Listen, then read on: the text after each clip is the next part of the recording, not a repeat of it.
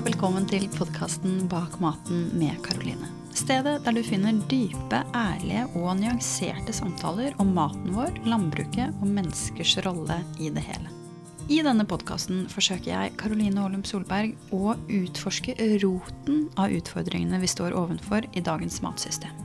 Og løfte fram reelle løsninger for fremtiden. Løsninger som vil bygge opp igjen økosystemer, økonomi, mennesker og ta vare på dyra våre. Jeg kaller det fremtidens regenerative matsystem. Denne episoden er sponsa av økologisk.no, og jeg har med meg statsviter, forfatter, bonde og tidligere landbruksforsker Sven Arne Lie. Eller kanskje jeg skal si landbruksrevolusjonist. Sven Arne har vært med å skrive bøkene 'En nasjon av kjøtthuer' og 'Mellom bakkar og kjøttberg', og er kjent som en av de krasseste kritikerne mot norsk landbrukspolitikk. I forrige episode snakka jeg om hvordan man kan tilnærme seg systemendring ved å begynne med seg selv og sine egne mønstre, tanker og vaner. I denne episoden derimot skal vi snakke om samme tema, altså systemendring, men fra helt andre enden av skalaen, nemlig overordna og fra et politisk perspektiv. Vi trenger nemlig begge perspektivene. Så etter du har hørt denne episoden, sjekk gjerne også ut episode 42, 'Innsikter etter tre år med Bak maten systemendring fra innsiden'. Så tilbake til denne episoden. Her deler Sven Arne bl.a. hva han ser er galt med dagens jordbrukspolitikk. Han trekker bl.a. fram uærlighet blant de som sitter med mest makt i landbruket, som en stor utfordring. Han deler også hvilke endringer han ser må komme om vi skal skape en landbrukspolitikk til glede og gavn for oss alle. I tillegg forteller han hvordan det har vært for han å stå imot strømmen og i opposisjon i så mange år, og hva som driver han til å fortsette tross mye motstand. For når meningene dine rokker så grunnleggende ved dagens systemer og etablerte sannheter, ja, da møter du mye motstand. Da er det bare å si god lytt.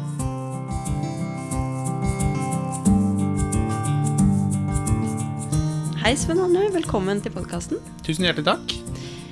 Du har jo eh, blitt kalt både liksom landbrukets urokråke og en slags sånn landbruksrevolusjonist. Hvorfor tror du det? Jeg tror Nå er jeg ikke alltid enig i det sjøl, men eh, det er vel kanskje fordi at uh, min kritikk av jordbrukspolitikken har vært ganske sånn grunnleggende. Altså Den handler ikke om å få litt mer penger eller eller, eller gjør noen små justeringer. Men det har stort sett handla om å ta tak i systemfeil, da, eller å gå litt sånn dypere inn i det. Og Det betyr jo da at uh, de løsningene som på en måte må komme av min problemanalyse, er ganske Eller for mange vil oppfattes som ganske omfattende, da, eller radikale. Altså sånn, og da, blir man litt, da er man vanskelig å ha med å gjøre. ikke sant? Fordi jeg, jeg, er jo ikke fornøyd med at man bare får mer penger, eller eh, at man gjør en liten justering på toppen. Man må, man må gripe fatt i, i, i, omfattende endringer, og at kanskje at næringa sjøl må endre seg. da. Mm. Ja, Det kan sitte dypt inne. Både for næringa og som på en måte på et personlig plan. Ja, altså fordi at det blir både system og person. ikke sant? At, mm. Eh, at, det, at, det, er krevende å forholde seg til. da. Mm. Vi skal gå litt mer inn på øh, liksom meningene dine og dette med landbrukspolitikk litt senere, men jeg har lyst til å, å begynne litt med, med, deg som person, eh, på en måte. Og eh, som du var inne på, så har du jo veldig mange sterke meninger om eh, landbruk og landbrukspolitikk spesielt. Hvor er det du får drivet ditt fra, eller meningene dine fra, på en måte? Ja, altså det her er jo kanskje litt sånn godt bevart eh, hemmelighet, men eh, i debatter og kanskje i samtaler, eh, gjerne der det er flere til stede, så kan jeg virke veldig hard. Men jeg er en ekstremt tvilende person. Altså utrolig mye innvendig tvil. Og, og jobber ganske iherdig med at jeg tror jeg kan ha feil. Eh, så det som det som er påståelighet, er egentlig 10-15 eh, år med undring først. da. Eh, samtidig som at eh, særlig på jordbruk så er jeg gått litt lei av å undre. Fordi jeg, jeg er veldig sikker på at de analysene som ligger bak, er ganske riktige. Eh, så, så, så, det er litt sånn, man framstår som kanskje litt mer påståelig enn det man egentlig er. At man er ikke så skråsikker, men, men, men det er altså mye grubling bak skråsikkerheten. Men drivkraften i det, det er litt sånn vanskelig å si, kanskje. Men det er Det er en sånn der idé om at, no, at, det finnes noe som er riktig, og noe som ikke er så riktig. Eh, og så er det det med, med ærlighet. Jeg har egentlig ikke noe problem med å takle uh, uenighet. Eh, nesten så jeg dyrker det. Uh, men uærlighet er noe annet. Altså det at man ikke kan være ærlig om det standpunktet man har, eller ærlig om de målene man har. Uh, men tilpasse på en måte og si det som er på en måte riktig å si, uten at man er ærlig på det. Har du møtt på mye uærlighet? Ja jordbruket er stappende fullt av uærlighet. Eh, Hvordan vet du det? Ja, At man, eh, man sier ting eh, som man eh, veit er riktig å mene. Fordi det er på en måte riktig utad å mene det.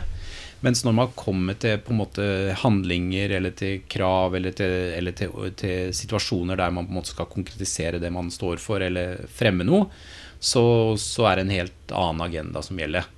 Og jeg i noen tilfeller så kan det være lurt. Altså sånn, det er ikke sånn at det er riktig å alltid um, Spille med åpne kort? Nei, ja, men jo. Veldig ofte så er det veldig riktig. Men, men, men at, at, at, det å forklare hva man Det å ha en god forklaring på hva man driver med, det er veldig ryddig for deg sjøl. Det er noe én ting, men det er veldig ryddig for andre òg. Og det tror jeg er sånn, en sånn mangelvare. Da, at man Det er ikke så farlig å være uenig. Fordi det, det, er en dynamikk i det, og det er, det er noe utviklende i det. Eh, men det er jo i det liksom det her uærligheten kommer inn, for da blir, det, da blir det på en måte et spill i tillegg. da Som mange, og kanskje særlig jeg, håndterer litt dårlig. da mm. Så du du har på en måte en evne til å se litt gjennom det spillet og, øh, og har, har, lyst til å gjøre noe med det, egentlig? Ja, jeg har, har det. Altså, altså har, har, lyst til at man skal skjønne hva man driver med. Altså skjønne, skjønne, hvem man forholder seg til. At man skal på en måte forholde seg til, til det man sier og det man gjør, og ikke det man liksom tror at den andre mener hele tida og sånne ting.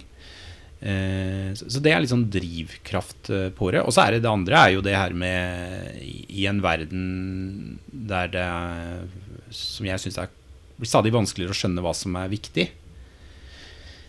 Eh, og der det ikke skilles på relevant og irrelevant informasjon, så er det sånn et overflod da, av, eh, både, både, av, informasjon, men òg av, eh, av prioriteringer. da eller ting du skal ta stilling til. Og, altså som enkeltmenneske? Ja, men også som samfunn. Du, både på individnivå og på samfunnsnivå. Altså det er så mange ting du skal ta stilling til, og eh, liksom vanskelig å vite hva som er viktig. Mm. Eller viktigst. Eh, men i den diskusjonen, og særlig i den eh, verden som vi kanskje har sett eh, særlig de siste ti årene, så har matproduksjon og liksom det, Da vi, begynner vi liksom å nærme oss en kjerne av ting som som kanskje da eh, må ha en høyere prioritering enn enn noe annet. da. Ja, Du begynte jo å si at en av drivkreftene dine handla om dette med å, å, skille mellom hva som var rett og galt. Mm. Eh, vil du si liksom bare noen ord om hva du har kommet fram til her? Hva, hva, er rett og hva er galt? Liksom? Det er jo et veldig stort spørsmål. Ja, nei, altså det er, eh, Når det gjelder f.eks. jordbruk og matproduksjon, da, så er jeg jo eh, blitt veldig overbevist om at eh, den argumentasjonen eller den berettigelsen som jordbruket i Norge må ha, er, må være knytta til eh, beredskap og sjølforsyning. Altså sånn eh, den, den, sam, den, samfunnsoppdraget man har. Eh, det her med distriktspolitikk og bønders ve og vel og kulturlandskap og sånne ting, det er, det er absolutt fine ting, og det er ikke noe man trenger å være imot. Men hvis man ikke har med seg det her samfunnsoppdraget som liksom er på vegne altså den store funksjonen man har, da du nevner jo det her med, med landbrukets eh, samfunnsoppdrag. Mm. Eh, og det er egentlig et ord som jeg forbinder veldig eh, mye med deg og eh, Per Olav Lundteigen, hvis jeg på en måte skulle trekke fram et par, eh, par stykker. Mm. Eh, hva, hva, hva, betyr det egentlig? Landbrukets samfunnsoppdrag? Veldig kort fortalt så betyr det at jordbruket må ut av jordbruket. Altså, det er ikke jordbruket som Hva, skal hva sitte betyr det? Det betyr at jordbruk er ikke noe som jordbruket skal sitte med. Eh, eller jordbrukspolitikken det er ikke noe som jordbruket skal sitte og eh, berettige eller argumentere for hele tida. Jordbrukspolitikk må eies òg av noen andre enn jordbruket sjøl. Eh, og, og da må man inn på samfunnsoppdraget. Altså Samfunnsoppdraget til jordbruket er jo ikke å sikre bønder god inntekt. Det skjønner jeg er helt, det er en helt nødvendig virkemiddel, men det er jo ikke noe mål. Målet må jo være den samfunnsrolla som eh, bruken av jord og matproduksjon skal ha for resten av samfunnet. Og Det er det jeg liksom tenker med, med det her samfunns, eh, samfunnsoppdraget som man har. Altså hvorfor har vi jordbrukspolitikk? Eh, og hvorfor har vi det for noen andre enn en bønder? Altså, eh, hvis jordbrukspolitikken kun handler om bønder, så er det jo ikke noe vits å egentlig ha noe politikk på dette området her, for det kan da de finne ut av på egen hånd. Men det er altså å begrunne eh, samfunnets interesser inn i, i politikken. Da. Og, og hva er det, hvis du, skulle, hvis du skal oppsummere det? For Jeg- det fins jo noen sånne pilarer eller noen Ja. sånne kulepunkter her.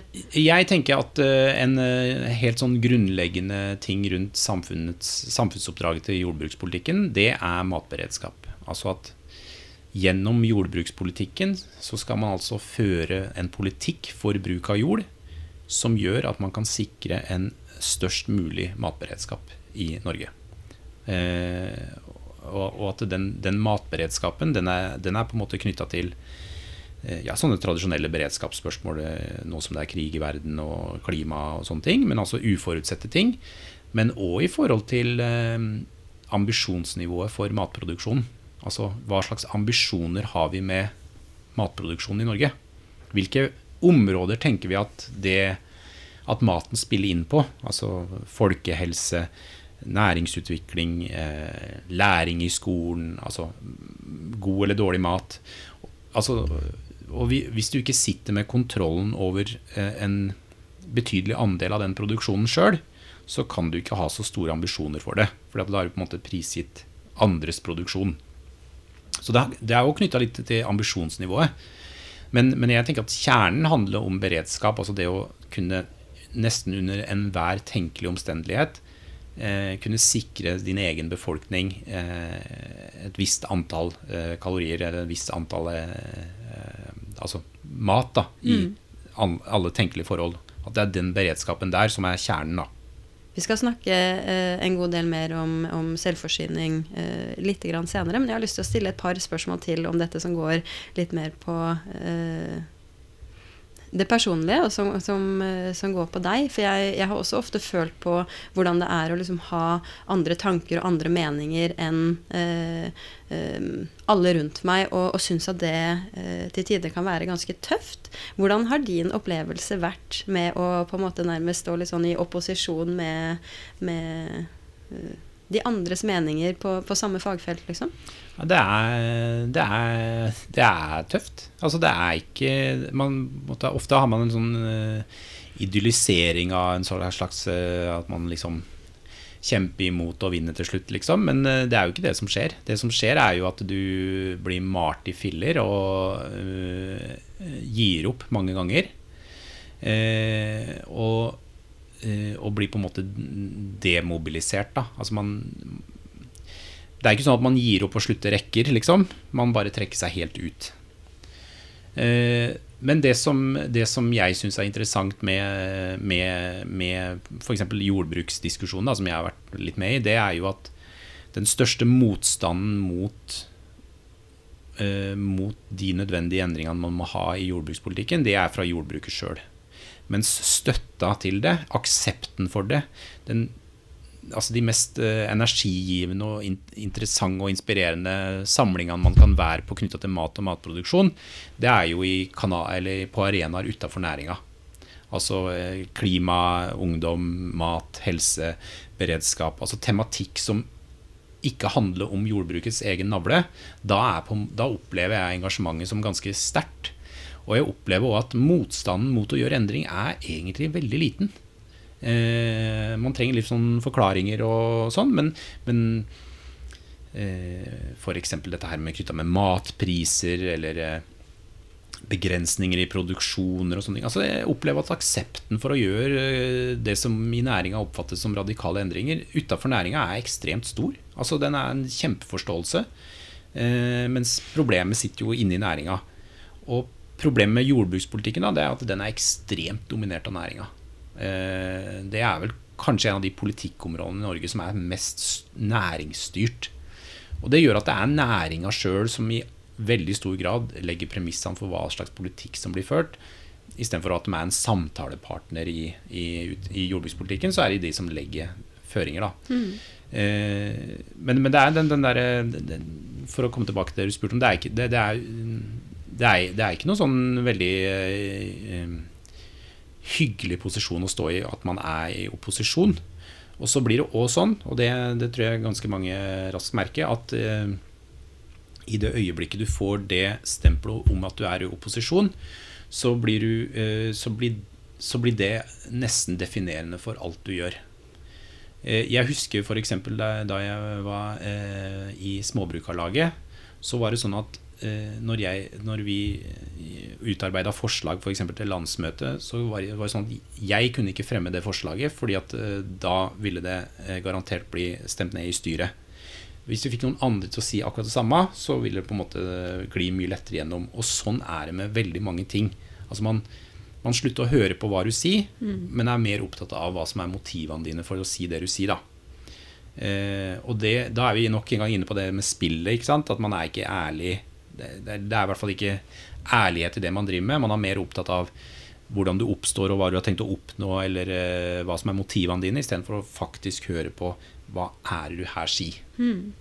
Jeg syns det, det, er veldig interessant også det her du trekker frem i forhold til eh, denne motstanden som kommer fra, fra innsiden av, mm. av næringa sjøl.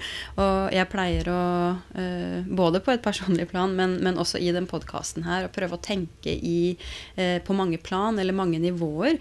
Og jeg kjenner jo veldig igjen dette her, denne, denne dypt menneskelige egenskapen med å på en måte ikke ikke ville gjøre endringer som har med meg selv å gjøre, og hvor ekstremt vanskelig det er hvis det betyr at jeg må forandre mye ved meg selv. Mm. Og, og, kanskje skylder nesten litt på at, eh, at jeg vil ikke få aksept på utsiden, men så står jo egentlig alle rundt meg og syns det er helt greit, og så lager jeg en slags illusjon for meg selv om at, eh, om at jeg er fanga. Så jeg bare syns det også Det passer godt både på et systemnivå og et uh, personlig plan, på en måte. Absolutt. Eh, og, og sier jo kanskje litt om hvorfor systemet systemene ser sånn ut. Da. For det, det, er jo vi som styrer de som mennesker. Ja, altså, system, systemer er jo mennesker. Altså det er jo folk i systemer.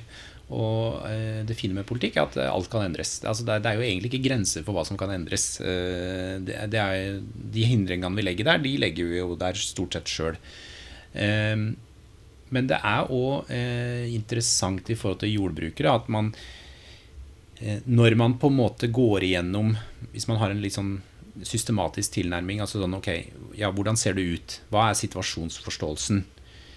Eh, når man på en måte går inn i den, så framstår det jo egentlig som lite attraktivt å fortsette som før. ja. Fordi situasjonen er så ille.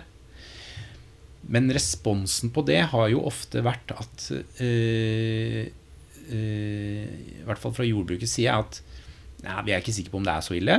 Ja, det, det, er tilbake til dette du snakka med ærlighet. da. Ja. Jeg tror kanskje det er en, en ja, kjerne her. Eller, eller, det som man har brukt som, uh, som et annet uh, veldig sånn bærende uh, motargument når man, man, man liksom kommer med situasjonsforståelsen som ikke er spesielt oppløftende, det er at det kunne vært verre.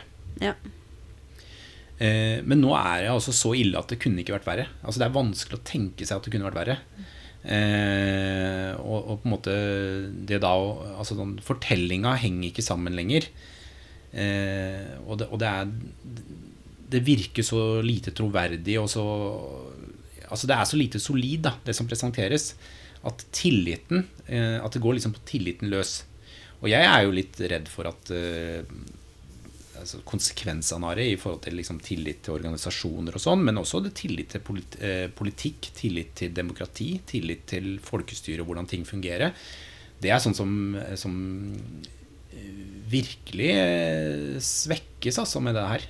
Altså, når du blir fortalt en historie som du sjøl på ingen måte kan kjenne deg igjen i over så lang tid, Og hver gang du på en måte påpeker at ja, men dette er jo feil, eh, situasjonsforståelsen det karet her er jo helt feil, mm. så får du på en måte beskjed om at det kunne vært verre, eller at din situasjonsforståelse er feil. Så, det, så det, jeg tror at det, det, her er ganske sånn eh, Det griper inn i noe, noe sånn systemisk i forhold til hvordan ting fungerer òg, altså. Nå har vi jo snakka egentlig mest overordna uten egentlig å liksom gå inn i politikken. Så det kan jo hende det, det, det, er noen som hører på nå som ikke aner hva vi egentlig snakker om. Så jeg tenker mm. kanskje det er på tide å, uh, å gå litt inn i uh, selve uh, politikken. For som vi har vært inne på flere ganger, så er jo du en egentlig ganske krass kritiker av dagens landbrukspolitikk. Mm. Hva, hva, er det du tenker er, i, er, er gærent her? Hvis, og, og, prøv å liksom korte ned litt, for ja, det er jo et kjempestort spørsmål. Kjempestort som du tema. også har vært med å skrive et par bøker om. Ja. Nei, altså det jeg tenker er at uh, hvis man skal oppnå det man uh, utad uh, noen ganger i hvert fall prøver å si at man driver med i jordbrukspolitikken, at man skal øke beredskapen f.eks., eller sikre samfunnsoppdraget til norsk jordbruk, så krever det altså enorme omstillinger det krever et, et, et, et, veldig kraftig brudd med poli, poli, de politiske virkemidlene og den politiske tenkinga som har styrt norsk landbrukspolitikk i kanskje 40 eller 50 år. Så Det er det som er når det står f.eks. i Hurdalsplattformen til sittende regjering at man skal øke selvforsyningsgraden fra 40 til 50 eh, korrigert for importert kraftfôr.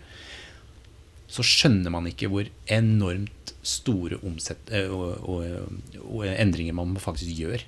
Man må snu opp ned på hele jordbrukspolitikken. Man må gå bort fra en, den måten man har tenkt, til en helt annen måte. Kan du ikke bare helt sånn i praksis eh, Hvordan ser det ut i dag? Og eh, hvilken retning er vi nødt til å Eller hva må vi liksom legge bak oss, og hvilken retning må vi bevege oss i? Ja, Det som har veldig enkelt for det har dominert jordbrukspolitikken eh, siste 40-50 år, det er jo en veldig stor tru på volum. Altså at man skal øke volumet. Og man har brukt da eh, tilskuddssystemet både til å eh, få folk ut av næringa, eh, for å sånn da på en måte gi andre muligheten til å produsere store volum. Og så har man òg eh, brukt virkemidlene til å bygge opp produksjonskapasitet, eh, bygge store fjøs. Eller å subsidiere importen av kraftfôr, sånn at du kan bruke mer kraftfôr. Legge til rette for de store, på en måte. Legge til rette for de store, eller, eller på et enda mer overordna nivå.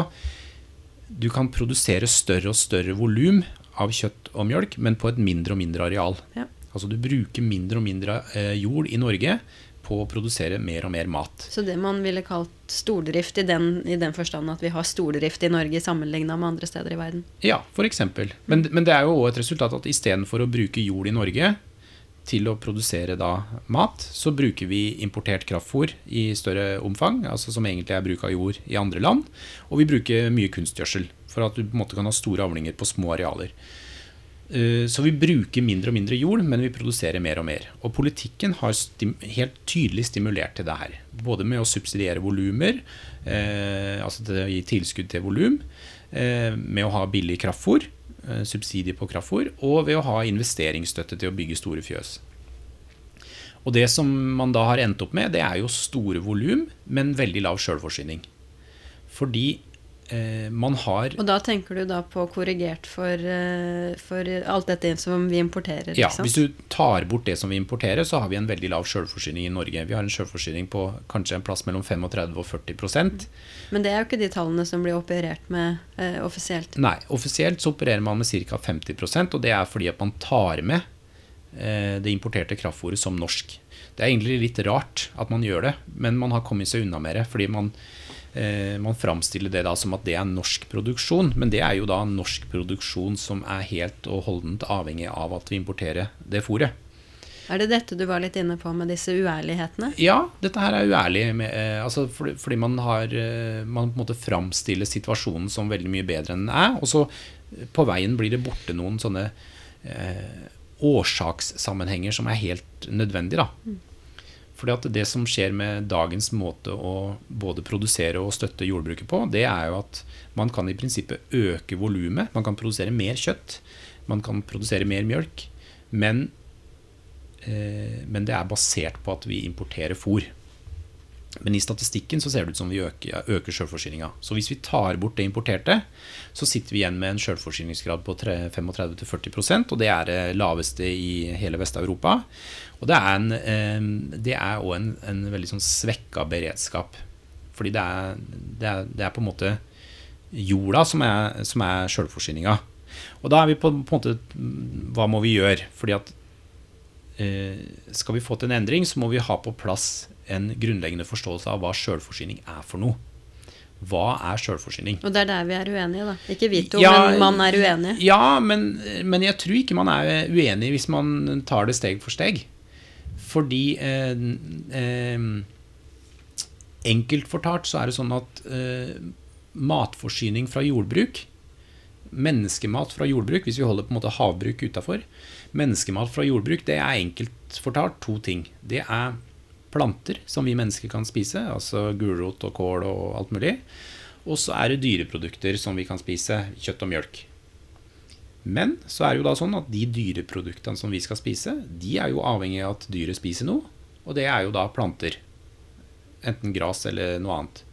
Så sjølforsyning handler egentlig kun om planter. Det handler ikke om dyr. Det handler om planter, enten i form av mat til mennesker eller fôr til dyr. Og sjølforsyning da handler egentlig om hvor mye planter er vi dyrker nasjonalt, som enten går til folk eller til dyr. Det er sjølforsyning. Så når, eh, når, vi skal øke sjølforsyninga fra norsk jordbruk, så handler det egentlig om å øke planteproduksjonen til dyr eller til folk. Eh, og da må du ha jord, du må ha arealer. Du må ikke, eh, du må ikke telle antallet fjøs eller hvor tung grisen er eller hvor mye ku mjølker, men du må se på hva har dyret spist? Hvilke planter er det, og hvor er de plantene ifra? Er det planter fra Norge, eller er det, planter, eh, eller er det soyaplanter fra Brasil? Det er jo to vidt forskjellige De har jo to vidt forskjellige konsekvenser. Eller raps fra Europa. Eller raps fra Europa. ikke sant? Det er to vidt forskjellige konsekvenser for uh, sjølforsyning. Så da må man altså tilbake uh, eller fram i tid i forhold til at virkemidlene må faktisk stimulere til planteproduksjon. Det må være lønnsomt for bonden å drive med arbeid på planter framfor eh, arbeid på kilo og liter. Da. For det, kilo og liter det kan du lage på andre planter. Og da er du kanskje ikke bare inne på hva man kan eh, dyrke av eh, korn og grønnsaksvekster på jordet, men også dette med å ta bedre i bruk utmark og, og, og dyrke gress. Da. Ja. Eller å, å, benytte seg av det, det hele, de arealene som er der. Hele arealet. Det er på en måte jordbruk er bruk av jord. Noe av den eh, bruken av jord kan brukes til menneskemat. Noen av den bruken av jord kan brukes til dyrefôr. Eh, og eh, summen av det er jo på en måte sjølforsyning. Eh, så, når, vi, snakker om, eh, snakker om økt sjølforsyning, så snakker vi om at det må brukes mer jord i Norge til å dyrke mer planter. Og noe av det er i utmark på beite og sånne ting. Noe er det på innmark i forhold til eh, produksjon av gras, og noe er òg grønnsaker og korn og hele den biten der. Desto mer planter du kan dyrke direkte til folk, desto mindre energitap har du jo. ikke sant? Det å gi, dyrke en plante og så gi den til en ku og så drikke mjølka, er jo et energitap i forhold til at du spiser planta sjøl. Men så er det jo da en gang sånn at uh, i Norge så er det begrensninger på hvor mange hvor mye du kan dyrke av menneskemat, men vi kan dyrke ganske mye dyremat. Eh, og så må du da ha drøvtyggere til å omstille det her til enten kjøtt eller mjølk. Mm. Så det er jo på en måte Fokuset må være på det, og ikke på volum. Og Problemet i dag er jo at hele det politiske eh, eller jordbrukspolitiske virkemiddelapparatet er rigga inn på volum. Det er en forståelse av volum. Hele, ja, hele belønningssystemet. Alt er tenkt i retning av volum. Eh, det er veldig på produksjonsmengde. Mens, vi, mens, det vi trenger nå, er jo et produksjonssystem eh, og virkemidler som er rigga inn mot produksjonsmåte. Altså måten det produseres på. Og der, vi, der, der er vi jo ikke. Mm. Når du tar opp eh, disse tingene spesielt i en, eh, i en, offentlig debatt, enten i avisa eller i en fysisk debatt, eller sånne ting, så, så blir det jo fort eh, konfliktlinjer, på en måte. Mm. Og eh, man går i eh, Andre siden går i forsvar, og det, det blir en slags sånn eh, kamp, da. Mm. Eh, Har du noen tanker om hvordan man på en måte kan komme seg videre i disse spørsmålene uten å, å, å liksom lage disse skyttergravene da, og Mm. skape mer nærende dialog som faktisk liksom bygger opp igjen? da? Ja, eh, jeg tror at noe av grunnen til at man f.eks. havner veldig i skyttergraver, da, i, særlig med jordbruket, det er at jordbruket har en eh, delvis godt begrunna eh, eh, sånn, sånn, og bekrefta skepsis til andre. Ikke sant? Man, man, man tror at andre ser litt ned på det man driver med, eller at andre er skeptiske til det man driver med. Liksom. Trygve Hegnar skriver sine ting, og du har liksom, ja, du får liksom De ser på seg sjøl som en liksom uh, høggestabber. Da. Det ligger noe liksom mindreverdig Ja, i, i, ja, at liksom, i, der, liksom? Tenke at andre er imot alt det du driver med. Ikke sant? Og så, så kanskje orienterer man seg litt ut ifra debatten på det. Ikke sant? Mm. Og blir litt eh, altså, at Man angripes fra mange fronter. Da, at fra liksom, de som mener at maten er dyr og dårlig, og fra, eh, fra eh, miljø- og naturvernsida i forhold til ulv. Og så, sånn, du drar inn så mye. Da, så du, kanskje du, når du står i næringa sjøl, så er du litt sånn forsiktig. Eh, og det gjør da at du blir jo lite offensiv, da. Eh, og så havner man fort i liksom forsvar av det som er, eller var. Eh, jeg tror at en veldig nyttig og viktig inngang, det er jo nettopp den som jeg sa i stad, at, at på en måte jordbrukspolitikken må eies av noen andre enn jordbruket. Altså at det at, det at klima eller miljø eller, eh, eller andre da eh, eh, tar eierskap til, til, til jordbrukspolitikken, f.eks. Eh, innenfor folkehelse, mat altså det å, det å sitte og ha meninger om hva slags mat vi skal spise uten at du har noen idé om hvordan den skal lages, er jo egentlig ganske uh, utafor. Det er altså uh, Interesser knyttet til jordbrukspolitikk må Jeg tror det er veldig nyttig og viktig at den eies av noen andre enn jordbruket sjøl. For jordbruket er jeg tror man må, Jordbruket er litt sånn eh, Det er veldig vanskelig å komme seg ut av den grava man sitter i der.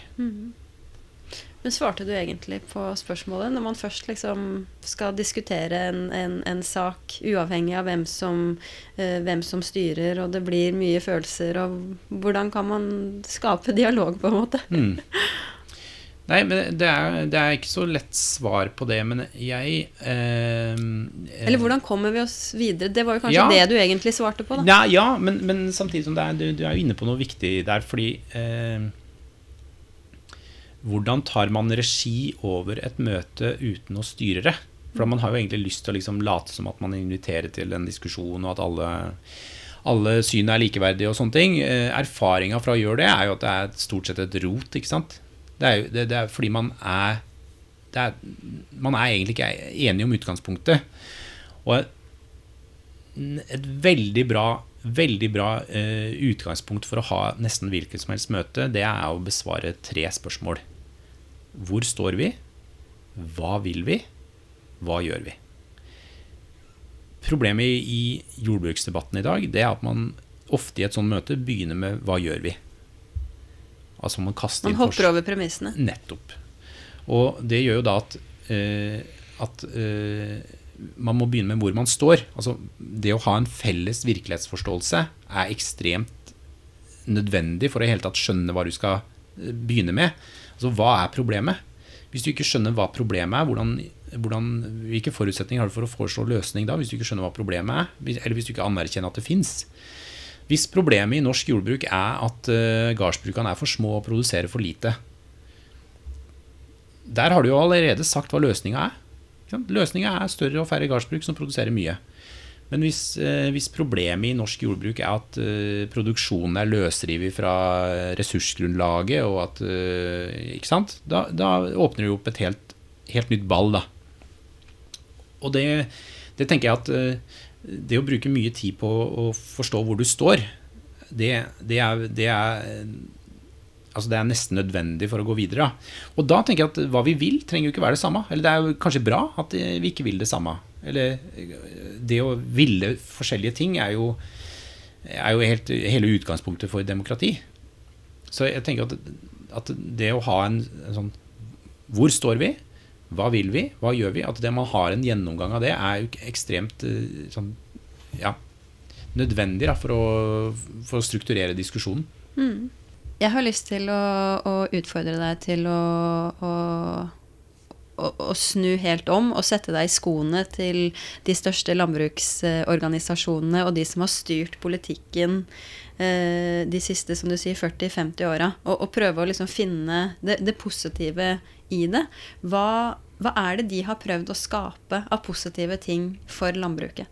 Ved å dra det i denne retningen som du er uenig i, da. Ja, det jeg tror de har prøvd på, det er jo, eh, det er jo at man har eh, i, i, Norge mm, levd litt, en, eh, levd litt på en idé om at, man, at trusselen fra utsida er større enn trusselen fra innsida. At måte, hvis, vi ikke, hvis vi ikke har den og den politikken, så ender vi opp som Sverige. eller altså At man har på en måte hatt skremmebilder av hvordan det har vært i utlandet. Og mange av de trusselbildene er kanskje riktig. Eh, Hva, og, og, for de som ikke kjenner til det, hvordan ja, ser det ut? Det, på en måte det her med industrilandbruket i EU og strukturrasjonalisering, nedlegging eh, På en måte bevaring av det norske jordbruket, da. Jeg tror du må forklare strukturrasjonalisering, og ja, det er jo sånn stammespråk. Ja, det er veldig stammespråk. Men det er jo den, det er nedlegging av gardsbruk og på en måte etablering av større og færre, mer industrialiserte storbruk, da. Eh, og at man da eh, langt på vei, eh, tror jeg, sjøl mener at man har oppnådd ja, det beste man kunne få til. Mm. Gitt, det, gitt, det, presset som er fra utsida. da. både knytta til EU og til ja, egentlig internasjonal situasjon. Mm. Så jeg tror at man liksom, i lys av uh, sånn worst case scenario og press fra utsida, så, så, tror jeg at man tenke at man er fornøyd med det man har fått til her, da.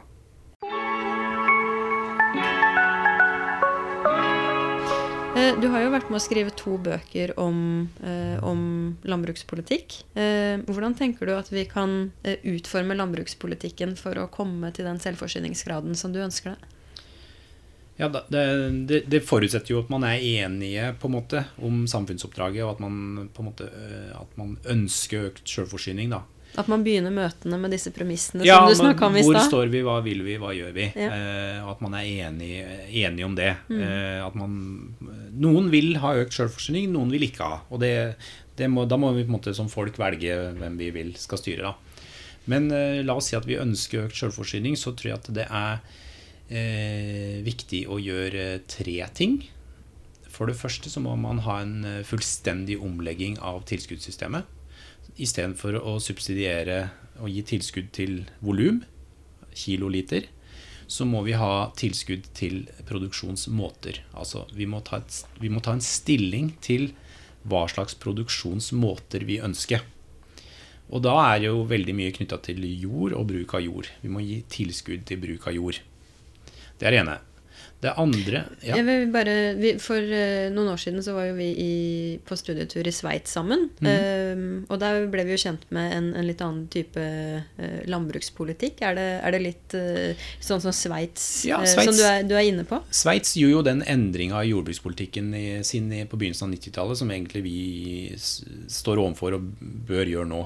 Der man altså gikk bort fra en sånn volumtenking og mye mer over til den der samfunnsrolletenkinga. da og at da det, det, er jo på en måte ikke kilo gris som, eh, eller liter mjølk som er, som er, det viktige for samfunnet i, i, jordbrukssammenheng, men det er jo på en måte beredskap, arealbruk, den biten der. Og turisme. Der, turisme er jo en sånn del, ikke sant? at man ser liksom større, større på det. og der men alt er knytta til bruken av jord. Det er bruken av jord som er alle de andre effektene. Ja, hvis jeg ikke husker helt feil, så var det vel ganske todelt at oppe i fjellene, som det var litt vanskeligere å drive, drive landbruk, så, øh, så var det denne måten å tenke på. Så var det litt mer volum mm. uh, i lavlandet. Ja.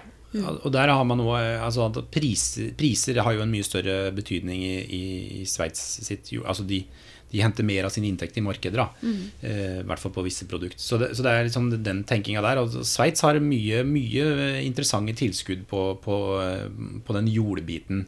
Så det er den ene biten, at vi må gå bort fra tilskudd til volum og over til tilskudd til bruk av jord. Eh, det andre, som er litt sånn komplisert, eh, det er jo at vi må slutte å subsidiere kraftfôr. Eh, I Norge så er kraftfôret veldig kraftig subsidiert, som gjør at eh, det er billigere å bruke som fôr enn som gras, f.eks. Og Det gjør at vi bruker mye kraftfôr i norsk, i norsk husdyrproduksjon. Dyra spiser mye kraftfôr. Eh, og desto billigere kraftfôret er å bruke, desto dyrere er det sammenligna sett å bruke jord i Norge. Billig kraftfôr er prisen på importert fôr, egentlig. Så hvis man gjør importert fôr billig, så, eh, så blir det sammenligna sett dyrt å bruke norsk fôr. Da. Dette med, Før du går videre til neste, til neste punkt, dette med kraftfôr er jo en av de tingene som, som er kanskje eh, den største brannfakkelen av de tingene som du, du, du, du snakker om. da. Hvorfor, eh, hvorfor er dette med kraftfôr så utrolig betent? Fordi at man har gjort seg veldig avhengig av det. Jeg tror veldig mange i næringa skjønner effekten av det. Altså skjønner effekten av å øke volumet på importert fôr. De skjønner effekten av det, at det gir eh, mindre At det gir eh, mindre bruk av jord i Norge og svekka sjølforsyning. Men man er så avhengig av det at omstillinga Det er jo her ofte man liksom møter, møter hverandre i skyttergraver. At konsekvensen av å gjøre noe mer er en så stor omstilling. Man har gjort seg vant mm. til en billig innsatsfaktor som vi bruker mye av. Det er litt sånn eh, analogt med oljeavhengighet. At uh, endringa blir så stor. Her kommer den menneskelige motstanden mot forandring eh, nettopp, inn i bildet. Fordi at konsekvensen av endringa er så stor. Mm. Uh, så, det, så det, er det, det, tror jeg er en sånn forklaring på det, da. uh, den tredje endringa som jeg tror vi må gjøre, det er jo at istedenfor å ha en idé om at vi skal produsere store volum til lave enhetskostnader, så, eh, og sånn sett på en måte få totalt sett billig mat, så eh, For de som ikke er så inne i landbruk, hva betyr det her? Det betyr at du eh, Det er jo tilbud og etterspørsel som på en måte setter prisen i et marked. Og Desto større volum du har ut, desto lavere blir jo prisen ute i markedet. Og dette her har jo på en måte vært en veldig sånn rådende ideologi i norsk jordbruk. At man skal ha store volum ut i markedet. Det er et veldig viktig, eh, viktig verktøy for å holde lave priser. Problemet der er jo at man har på en måte fanga seg sjøl, der man på en måte tar opp større og større lån for å utvide produksjonen sin, for å produsere større og større volum, hvor det volumet da i, i, i, stor grad har fallende verdi. Altså man får mindre og mindre for det. Så da kan man sitte f.eks. med en kjempestor grisebesetning og få veldig dårlig betalt. Ja. Selv om man har gjort store investeringer og, og, selger mye kjøtt. Kostnaden ved å etablere produksjonsstrukturen, eller etablere en stor produksjonsstruktur, stort fjøs, den er større enn eh, inntekta fra den økte produksjonen. Selv på sikt? Ja, eller på sikt så skal det jo lønne seg, da, men det har jo vist seg at det gjør det jo ikke. Mm. Eh, fordi at prisen faller og faller. Så hva blir løsninga her? Ja, løsninga her er rett og slett å anerkjenne det at uh, høyere sjølforsyning koster litt mer enn lavere sjølforsyning. Ja. Istedenfor at vi betaler 11% av vår disponible inntekt på mat, så kan det hende at vi i snitt må betale kanskje 12 eller 13% Det her er en, eh, en vanskelig oppgave å formidle, men jeg tror det er helt nødvendig. Og da er vi jo inne på det med tollvern og beskyttelse og sånne ting. Men det skal, tror jeg ikke vi skal komme vi skal inn på i denne episoden. her. Det, tatt, eh, det er veldig bra at vi ikke tar det her. Men altså den, den, aksepten om at noe med høy kvalitet og med god måloppnåelse koster litt mer enn noe som ikke er så bra, det tror jeg ikke er så veldig vanskelig å forstå. Ja. Eh, og så tror jeg det er viktig å formidle at det er ikke, det er ikke så dramatiske endringer som man, at, at maten blir dyrere. Eh, det er kanskje litt sånn tung eh, akkurat nå med tanke på de prisene og sånn som er nå. Men men det er å gå fra på en måte 10-11 til 12-13 mm. Det er det som er nødvendig for å på en måte få opp økonomien. da. Um, I denne podkasten prøver jeg å finne på en måte den perfekte balansen mellom hva vi må løfte fram, og som må rives ned, og, og gi håp for fremtiden og finne alternativer. ikke sant? Ehm, jeg vet du er veldig opptatt av at politikken og systemet må endres, men eh, at på en måte enkeltbønder ikke skal sitte med noe ansvar. Da. Men Ehm, jeg bare lurer på om du har noen tanker om hvor balansen ligger mellom å benytte seg av de rommene som finnes i systemet, og ta ansvar for egen situasjon, og å på en måte bli et offer for systemet som finnes i dag, hvis du skjønner hvor jeg Mm. vil hen. Ja, det, det der er det jo mange som har brent seg på eh, innad i jordbruket, annet. At man har på en måte begynt som en sånn eh, Begynt som en eh, litt sånn opprører eller motstander, og så har man havna i et verv, og så man, sitter man og egentlig forsvarer det som skjer. Og så har man mista all troverdighet, og så er man ferdig. Jeg tror at det er rett og Altså Endringer skjer når det er nødvendig. Det skjer ikke fordi at noen ønsker endringer nå og så skjønner at det må endres. Men det er, jeg tror jo f.eks. i jordbrukspolitikken eh, så er noen Altså de, de to siste eh, instansene som kommer til å endre seg, etter at alle andre har endra mening De nest siste er Bondelaget, og de aller siste er Landbruksdepartementet. Uh, og det betyr at eh, jeg tror at premisset i spørsmålet ditt er litt feil. Altså, sånn, jeg tror ikke det er noe balanse og harmoni. Jeg tror det er konflikt og nødvendighet som tvinger fram endringa. Og det vil da si at eh, med krig, med energipriser, med, liksom, med ting som tidligere var avvist som fullstendig urealistisk, plutselig blir det nødvendige og logiske. Det, plutselig så skjønner man at det her, det her er det som må skje nå, hvis vi skal komme i mål. Men hvis vi, skulle, hvis vi ikke tenker på et systemnivå, hvis vi tenker på et uh, personlig nivå, på en bonde f.eks., og jeg stiller spørsmålet på den måten, har du et annet svar da?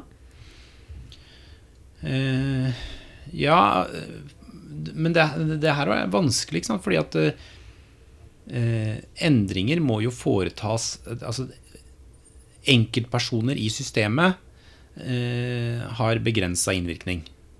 Det er jo oppe i systemet det her må skje. Så du tenker alt må komme ovenifra, på en måte? Nei, ikke komme ovenifra, men eh, det må tvinges fram, da. Ikke eh, det, er en del, det er en del ting som rett og slett må tvinges fram, som ikke Det er ikke noe sånn, det ikke noe sånn fornuftsinngang her. Det er bråe skifter. Så jeg tror jo Og det er jo det som jeg liksom tenker er kjennetegnet med, med både kriseforliket i 1935 og og opptrappingsvedtak på 70-tallet. Det skjedde jo ikke etter langsomme, gradvise oppbygginger. Det var eh, en hel haug med folk som stanga huet i veggen i ti år. Eh, hvor det plutselig oppstår en situasjon som gjør at alt skifter over natta. Og det er litt det som skjer, tenker jeg da. Ting skifter over natta, ikke eh, som en sånn gradvis eh, endring. Og det er veldig synd, for det, det er jo det som er fornuftig å gjøre. Men det gjør da at endringer skjer brått og har kjempestor innvirkning. Så den enkeltbonden er, er på en måte litt sånn eh, prisgitt å stå i en sånn Ja, så står i, det, står i den situasjonen, rett og slett. At eh, han vil slites mellom det som på en måte er riktig å gjøre på lang sikt, men som er dumt å gjøre på kort sikt. da. Mm. Men vi ser jo en, en, økende bevissthet rundt dette med mat og matkvalitet og altså alle disse tingene som du snakker om. Vi ser jo på en måte grasrota beveger seg. Flere bønder driver både økologisk, regenerativt, markedshager, bevisste forbrukere. Det er jo på en måte også jeg ville jo tenkt at det er en slags endring som kommer sakte over tid og tvinger seg fram litt sånn nedenifra, da. Men, ja. men, du ser ikke på det som en relevant Jo, jo det er helt, det er helt, helt Og det er en kjempe Det er på en måte en bestanddeler i en plattform. Eh, og det, det som er kanskje det aller, aller viktigste i den debatten der, da, som jeg, som jeg tror kanskje er viktig å formidle òg, det er jo at eh, det finnes veldig mange legitime aktører i norsk jordbruksdebatt. Altså Natur og Ungdom er en legitim aktør i norsk jordbruksdebatt. Eh, eh, folkehelsedebattanter er en legitim aktør. Eh, og det å se på seg sjøl som en legitim aktør i jordbruksdebatten, det er òg et virkemiddel for å på en måte rydde seg inn. Rydde seg plass. Altså Si at jordbrukspolitikk handler om klima. Jordbrukspolitikk handler om folkehelse. Det handler ikke bare om tilskuddssatser i arealsone 5 for den og den bonden. Det, er, det handler om det òg. Men hvis man ikke har noen kobling til samfunnsoppdraget sitt, så er på en måte Da, da er jordbrukspolitikken ferdig. Så det, det, å være Det å, det å være veldig sjølbevisst på at man er legitim som aktør inn i en jordbruksdebatt. Eh, I et panel, i, eh, i, en, i, et debattinnlegg eller hva som helst. At man er ikke bare sånn supporter på sida som skal heie på, heie på det jordbrukets side, men at man faktisk skal mene noe sjøl. Det tror jeg er veldig viktig for å få fram de her Ja, løfte fram det du sier. Altså alt fra markedshage til, til nye og andre og bedre måter å drive på. Vi er nødt til å, å begynne å avslutte, men jeg har ett et siste spørsmål. For i, i denne podkasten er jeg på utkikk etter fremtidens regenerative matsystem. Altså et matsystem som rett og slett bygger opp igjen alt man har eh, bygd ned. En del av disse tingene vi har vært eh, inne på i dag. Hvordan ser liksom fremtidens regenerative matsystem ut for deg? Hvis du også skulle liksom oppsummere litt ja. hva vi har snakka om i dag. Nei, altså jeg, jeg tror jo bl.a. at uh, det her med sjølforsyning får en helt annen funksjon, da. Uh, og at uh, da har måte Da har man på en måte mat Eller matproduksjon får jo en verdi, ikke sant. Problemet i dag er jo at den har jo ikke noe verdi fordi det er for mye av det. Det er for mye mat ikke sant, I, på kort sikt. Så, så, jeg tror jo at det, det det regenerative her handler jo litt om, om, om, å på en måte se verdier. da. Én eh, ting er det med kroneverdier og, og, næringsverdier og sånne ting òg, men, men også da eh, se på de aktørene som faktisk eh, er i næringa, som verdifulle. Og så tror jeg òg, og dette tror jeg kanskje ikke er så populært i næringa sjøl, men at eh, jordbruk er veldig mange ting. Eh, og man må slutte å betrakte eh, jordbruk som én samla næring der alle mener det samme.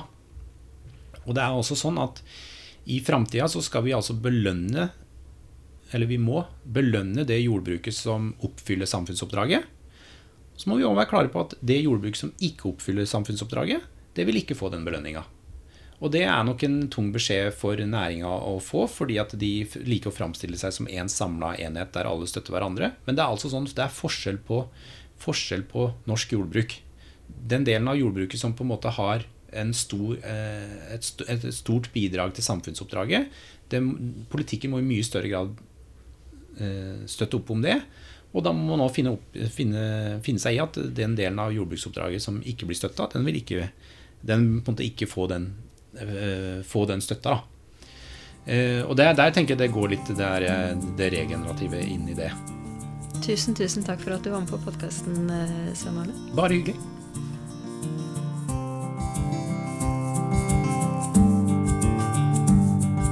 Denne episoden er laget av meg, Karoline Aalum Solberg, og er sponset av økologisk.no. Musikken er laget av Creo og Ly Rosever. Takk for at du hørte på, og vi høres igjen i neste episode.